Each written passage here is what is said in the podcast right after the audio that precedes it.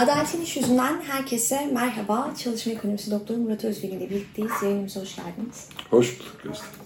Evet, bu hafta e, iş kazası davalarını konuşacağız. Ama güncel bir örnek üzerinden konuşacağız. Antep'te faaliyet sürdüren Akınal Sentetik Fabrikası'nda çalışırken e, ellerini kaybeden işçiler geçtiğimiz hafta Evrensel Gazetesi'nde gündem olmuştu.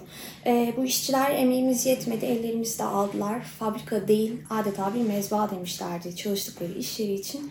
E, ve çok çarpıcı bir örnektir ki Gaziantep Organize Sanayi Bölgesi'nin girişinde e, özel bir hastaneye ait bir reklam panosu vardı. 7-24 açık olan bir e-cerrahisi e, reklamıydı bu. Şimdi bugün de programımızda e, bu burada çalışan, bu iş yerinde çalışan işçilerden gelen soruları yanıtlayacağız.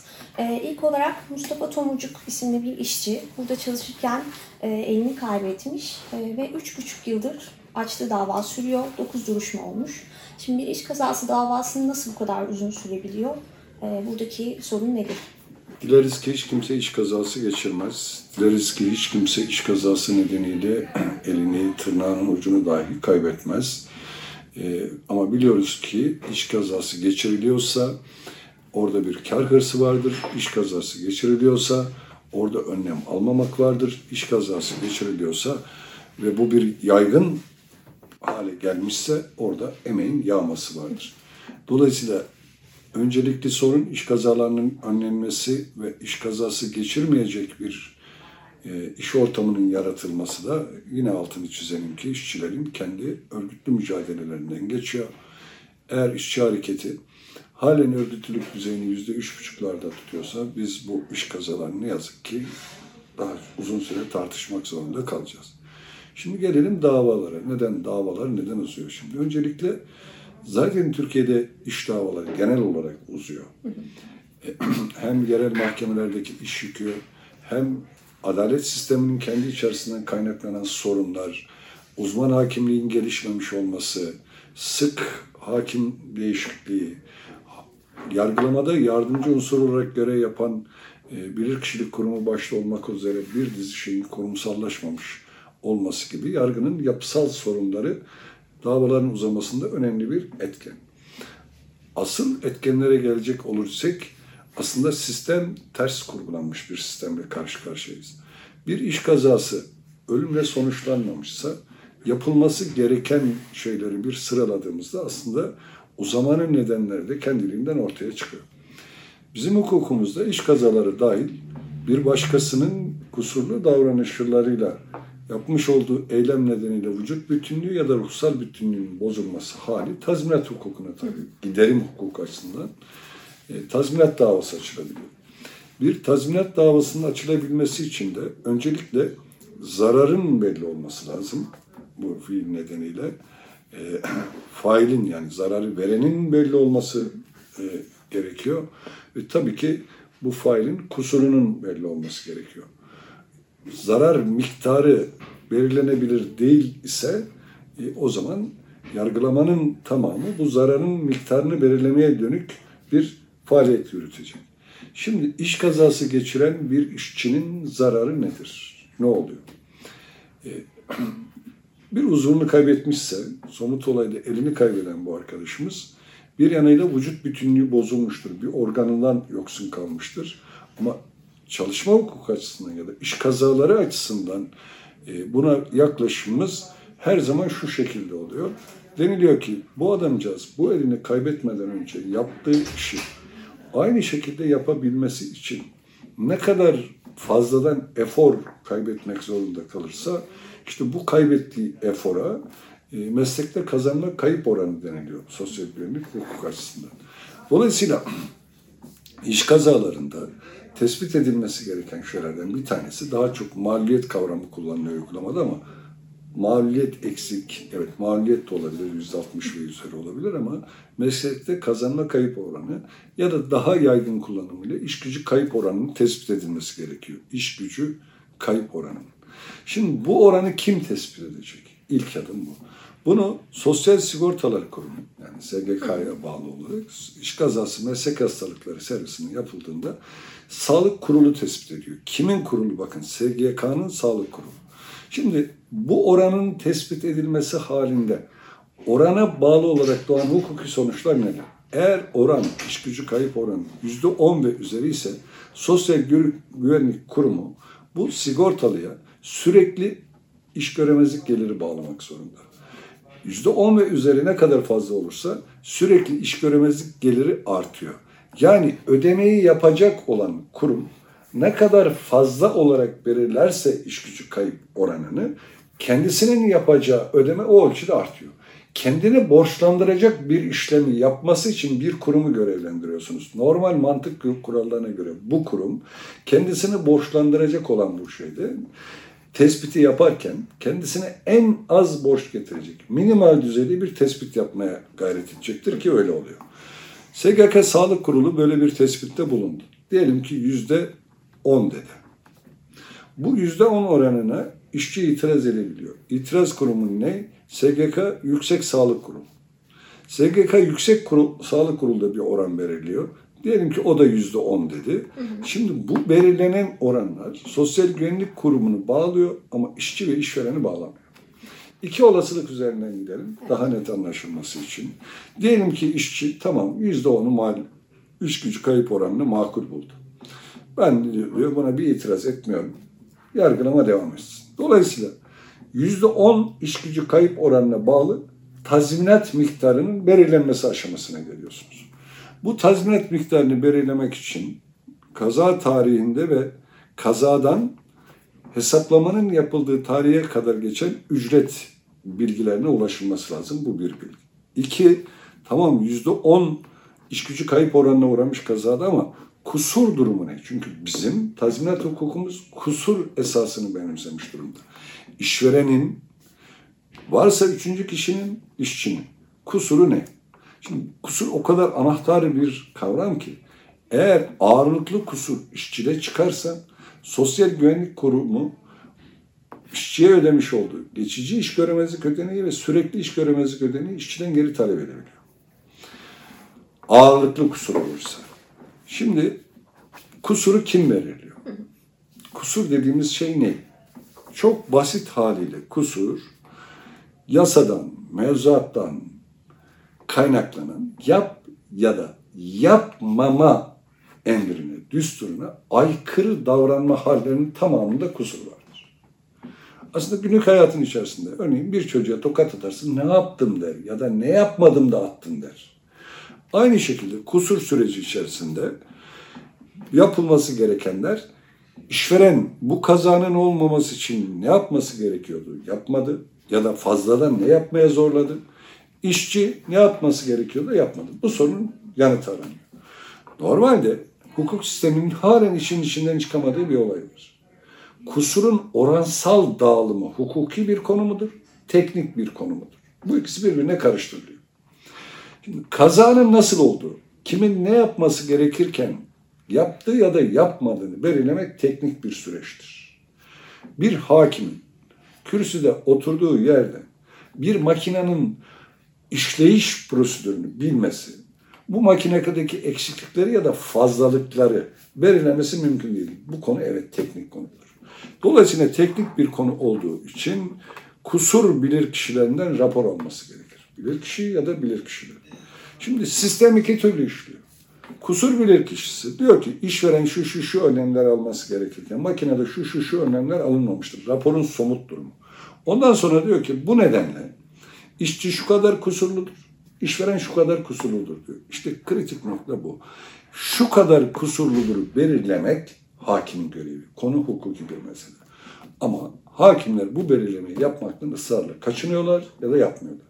O zaman bilir kişinin işçi sağlığı, iş güvenliğine yaklaşımına göre farklı farklı kusur oranları çıkıyor karşımıza bak. Maliyet oranı bu. Bir de farklı kusur oranları çıkıyor. Örneğin bir bilir kişi diyor ki raporunda işçinin çıkmış olduğu merdivenin papuçları yoktu.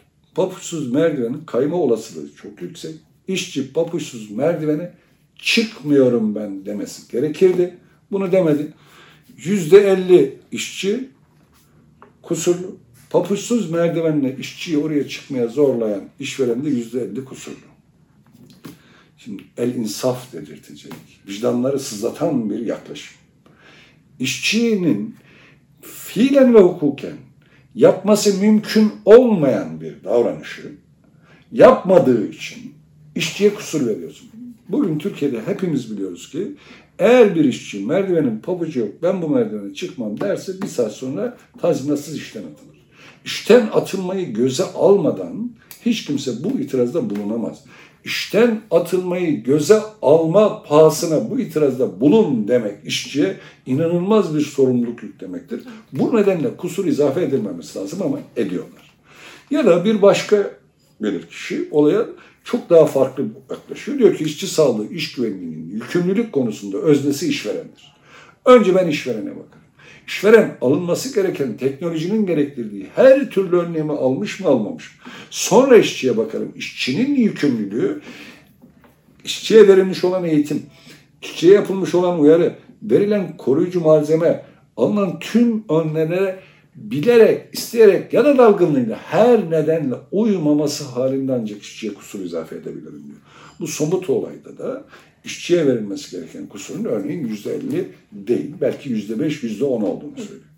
Şimdi bu raporlara ve şuradaki yapılan belirlemeye işveren ve işçi tarafı itiraz etme haklarına sahip. Şimdi bakın geldik yüzde ona. İşveren bekliyor. Kusur raporu alınıyor. Bu aşama bitiyor. Hesaplamalar yapılıyor.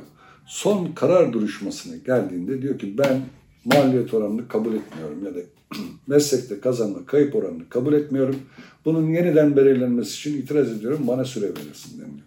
Yargılama tak diye duruyor. Çünkü işverene meslekte kazanma kayıp oranı ilişkin itiraz etme konusunda herhangi bir süre getirilmemiş. Yargılamanın herhangi bir aşamasına ya da herhangi bir yerde itiraz ediyor. O da bekliyor, bekliyor. En sonda itiraz ediyor. Birazdan niye böyle yaptıklarına da geleceğiz. Şimdi itiraz edince ne oluyor? Yargılama duruyor. Yüksek Sağlık Kurulu'na eğer gitmemişse önce Yüksek Sağlık Kurulu'na gidiyor. Yüksek Sağlık Kurulu ile Sağlık Kurulu'nun raporu arasında bir çelişki varsa adli tıpa gidiyor. Adli tıp ihtisas dairesine gidiyor. Adli tıp ihtisas dairesiyle Yüksek Sağlık Kurulu ya da Sağlık Kurulu'nun raporları arasında bir çelişki varsa o zaman Adli Tıp Genel Kurulu'na gidiyor. Daha başa döndük. Dikkat edersen evet. meslekte kazanma kayıp oranını belirliyoruz. Ancak bundan sonra bu oran kesinleşiyor. Ki, kaldı ki bu gidiyor görün mutlaka oraya gitmek zorunda değil. Ama yargılama pratiği öyle gelişmiş sürekli buralara geliyor. Bunu halletti demek iki yıl ortalama. Şimdi orayı da hallettiniz. Geliyorsunuz. İkinci çarpanımız neydi? Ücret. Çift bordro var. Gerçek ücret belirlenmiyor. İşlerinde toplu sözleşmeler yok. Asgari ücretin çok üzerinde almasına rağmen bunlar kuruma bildirilmemiş. Bir de ücret tartışması yaşıyorsunuz. Ücreti de hallettiniz. Bu kez işte akla, mantığa ve vicdana aykırı kusur raporları geliyor. Kabul etseniz bir türlü, etmeseniz bir türlü. Kabul ederseniz yargılama oluyor. Etmezseniz vicdanınız kabul etmiyor. Diyelim ki itiraz ettiniz. Bu kez üç kişilik bilir kişiye gidiyor. Bu somut örnekte üç kişilik bilir kişi dedi ki hayır burada işçi yüz, e, işveren yüzde seksen kusurlu, işçi de yüzde yirmi kusurludur dedi. İki rapor arasında çelişki olduğu için yargılama geliyor. Bu çelişkinin giderilmesi için bir başka heyete daha gidiyor. O heyet bir rapor daha veriyor ve ancak ondan sonra zararı belirledik, işçi tazminatını istesin diyor. Bu daha yerel mahkeme aşaması. Ondan sonra istinaf aşaması var. Ondan sonra miktar olarak eğer temiz sınırını aşıyorsa ki genellikle iş kazalarında aşıyor, bu kez Yargıtay'a gidiyor. İstinafta ortalama 2 yıl 3 yıl daha bekliyor. Yargıtay'a gidiyor. Yargıtay'a giden dosya sayısı azaldığı için belki biraz daha erken geliyor. Yargıtay'dan dosya geldi. İcraya koyuyorsunuz. Bu kez tahsile ilişkin icra iflas kaynak yasasından kaynaklanan bir dizi sorunla karşı karşıyasınız. İlama aldığınızda bu tahsil meselesi başlıyor. Eğer bir teminat mektubu konulmamışsa, eğer işveren batık bir işverense, işe, işletme küçük bir iş yeriyse, muazzalı mal kaçırmalar, bunların iptali vesaire bir de tahsil derdinin içerisine giriyorsunuz. Bir kaza geçiren ve yüzde yüz iş gücü kayıp oranına sahip bir işçinin eşi söylemişti. Benim kızımı taciz eden bakkala 14 sene hapis cezası verdiler. Kocam %100 iş gücü kayıp oranına sahip. Onun açtığı tazminat davası 14 yıldır halen bitmemişti demişti. O dava 16 yılda bitti. Şimdi böyle bir sistemde işçinin zararının tazmin edildiğini söyleyebilmek mümkün değil. Şimdi buradan kim menfaat sağlıyor? Buradan işçiyi sigorta ettiren sigorta şirketleri, SGK ve işveren menfaat sağlıyor. İşçiye şu anlattığım prosedürü anlatıyorlar. Diyorlar ki 14 sene sonra 1000 lira alacağına gel kardeşim seninle anlaşalım. Bu anlaşmayı da nasıl yapıyorlar? İşçiye dava açtırıyorlar. Davada uzlaşıp davasından feragat ettiriyorlar. 100 lira yerine 10 liraya razı ediyorlar. Hadi kardeşim güle güle diyor. Bu, bu sisteme de biz adalet diyoruz. Bu sisteme de işçi hakkını almıştır. Bu kadar iş kazası oluyor. Bu kadar da uzun sürüyor. Ama neden hala bir yaptırım yok? Bu iş yerleri e, denetlenmiyor. Ya da herhangi bir yaptırım uygulanmıyor. Yasada ne diyor mesela böyle bir işleri e, ne sıklıkla denetlenmeli? Şimdi bakın çalışma hayatında üçlü aktörler vardır. Bir, devlet.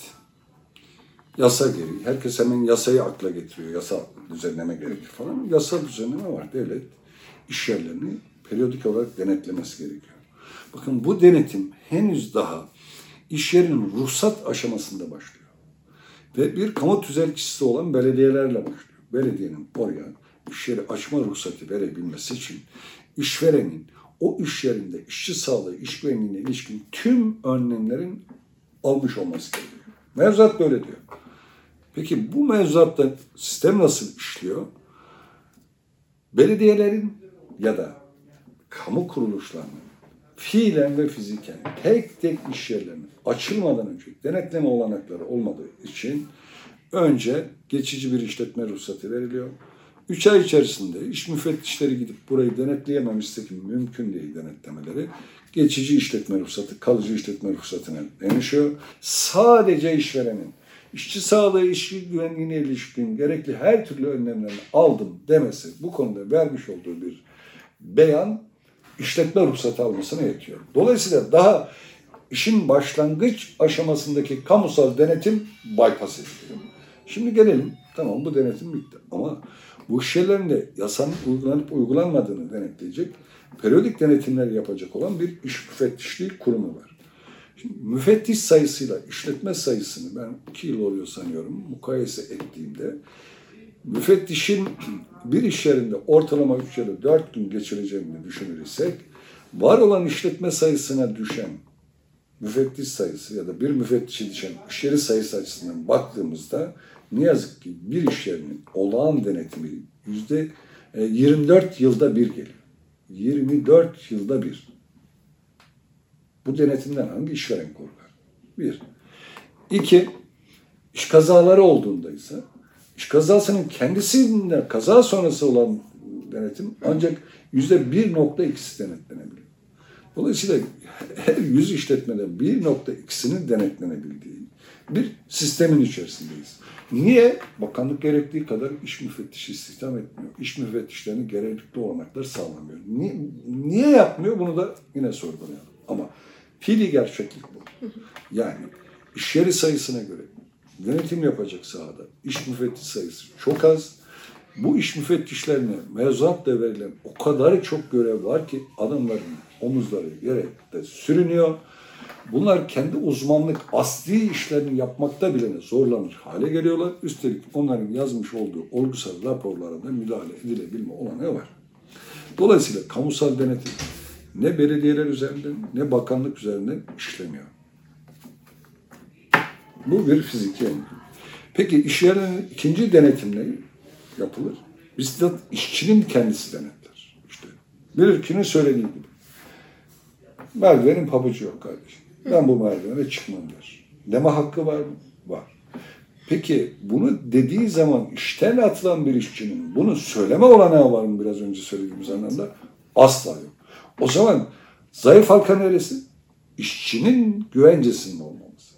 Gerçek anlamda bir iş güvencesi getirmediğiniz bir işçi o işini kaybetmemek için yasalardan doğan tüm haklarını, anayasadan doğan tüm haklarını fabrikanın kapısının dışında bırakıyor, kartı basıyor.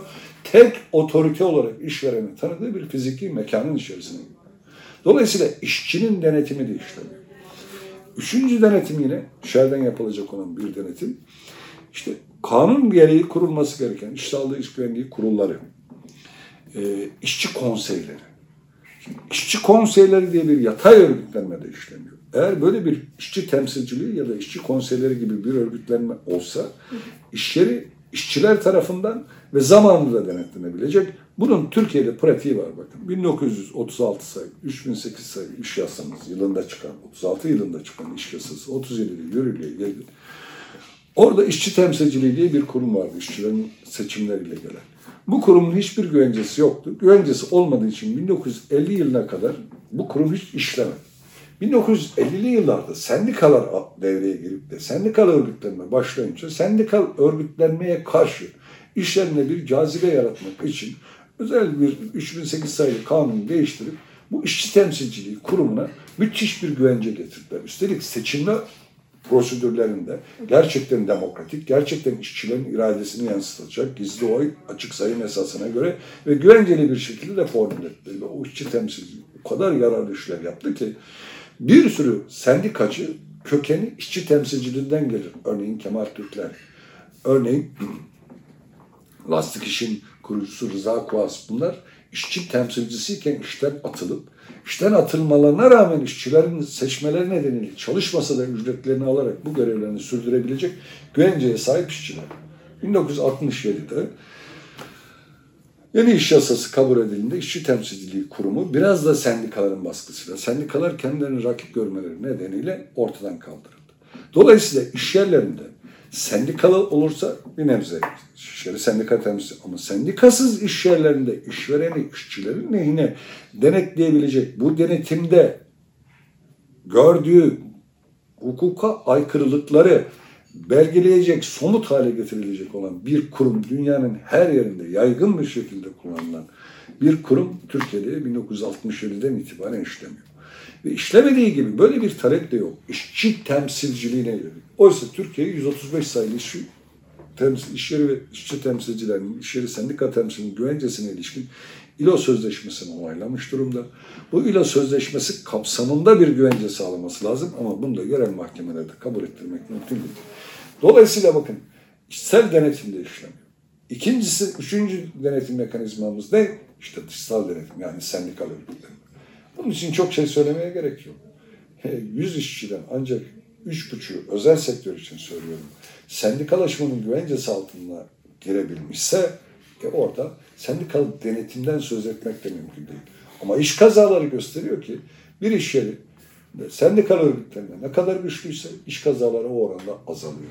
Sendikal örgütlenmeden ne kadar uzaklaşırsan iş kazaları da artıyor. Dolayısıyla demek ki denetim, etkili bir denetim, iş kazalarının önlenmesi çok kritik bir nokta. Peki varsaydık denetimi yaptık. İş müfettişleri diyorlar ki işveren şu hesabı yapıyor. Ben yasalara uymazsam ne kadar kazanacağım? Yakalansam dahi ödeyeceğim yaptırım ne? 100 lira. Yasalara uyarak aldığım önlemlerin maliyetini 150 lira. E ben 150 lirayı 100 liralık ceza için niye 150 liralık maliyetin altına gireyim? Yakalanırsam 100 lirayı ödenelim. Zaten yakalanma olasılığım %1.2. E ona da denk gelirsem cezama razıyım. Cezam 100 lira. O cezamı neden olan eylemin getirdiği hukuka aykırılığı gidermemin bana maliyeti 150 lirasa uymuyorum diyor. İş müfettişler de haklı olarak diyorlar ki biz denetim yapsak dahi o denetimde işverenin ödeyebileceği, karşılayacağı yaptırım o kadar az ki o önlem almamaktan rahatlıkla vazgeçebiliyor. Şimdi böyle bir sistemi niye kurarlar? Neden böyle bir sistem yürür? Bunu herkes görüyor, sadece ben görmüyorum. Tüm iş hukukçuları görüyor. Buna rağmen neden görüyor? Çünkü bu emeğin yağması sistemi. Bu sömürü değil, yağma sistemi ve Türkiye'de sermaye birikimi için emeğin yağmasını sürdürülmesi lazım. Yargı da bunu dikkate alıyor. Bakanlık da bunu dikkate alıyor. İş kazasılarında işverene çok huzur verirsen aman işletme batar. Tazminatlar ödemek zorunda kalır. Millet işsiz kalır. Eh dengeyi bulalım. İşte sermaye birikim modelini insanların kolundan, bacağından, canından yoksun kalmaları pahasına yapan bir sistemde yargının işlememiş olması da görmezlikten geliniyor. Kendi, Sosyal Güvenlik Kurumu'nun tazminat ödeyecek, e, e, iş kazası meslek hastalıklarına bağlı sürekli iş göremezlik gelir ödeyecek bir kuruma bu oranı tespit ettirme görevinin vermesindeki çarpıklık da kimsenin gözüne batmıyor. Bilir kişilerin keyfi raporlar düzenlemeleri kimsenin gözüne batmıyor. İş mahkemelerinin hukuken kendilerinin belirlemesi gereken kusuru oranlarını topu taca atıp da iş tekniktir diyor. Bunların hiçbirisi göze batmıyor. Kimseyi rahatsız etmiyor. Çünkü bu rahatsızlığın göze sokulması lazım. Ramazan'ın işçi sağlığı, iş güvenliği konusunda hastalıkla yapılan iş arasında sebep sonuç ilişkisinin kurulmasına ilişkin verdiği çabaya duyarsızlık duvarıyla karşılaştığında bu çabanın isyan ettiği bir şey var. Diyor ki o foseptikteki e, malzemeleri bu doktorların burunlarına sokmak lazım. Yani şu yaşanan dramı, bu dramı üretenlerin gözüne sokmak lazım. Bunun için kamuoyu oluşturmak lazım. Bunun için şu kadıncağızın feryadını her yerde duyurmak lazım. Bir iş kazası davası nasıl 16 yıl sürer? 16 yıl süren bir iş kazası davası dediğinde bu yargı, bu devlet nasıl bu vatandaşa hesap vermez? 16 sene sonra tazminat ödemek zorunda kalacağını bilen bir işveren ne diye iş kazası meslek hastalığı olmasın diye bir gayretin içerisine girer? Bu soruyu sordurmak gerekiyor. Bunların tamamı siyasi sorular. Dolayısıyla Türkiye'de iktidarı da, muhalefeti de, siyasi partide de, sosyalisti de, faşisti de hiç kimse böylesi temel bir politik nedeni görünür hale getiremiyor, getirmiyor, sokmuyor. Yani sosyalistler örneğin bir dizi e, kavramsal tartışmayı yapıyor da ya neden bir iş kazası davası 16 sene sürür? Bunun niye hesabını vermezi politik gündeminin merkezine alıp bunu bir sürekli eylemlik haline getirmiyor. Ama bir sınıfın partisi diyorlar. Burada durayım çünkü herkese doluyum. Evet var mı eklemek istediğiniz bir şey hocam? Yok. Peki Adaletli İş yüzünden bu hafta bu kadar. Önümüzdeki hafta görüşmek üzere.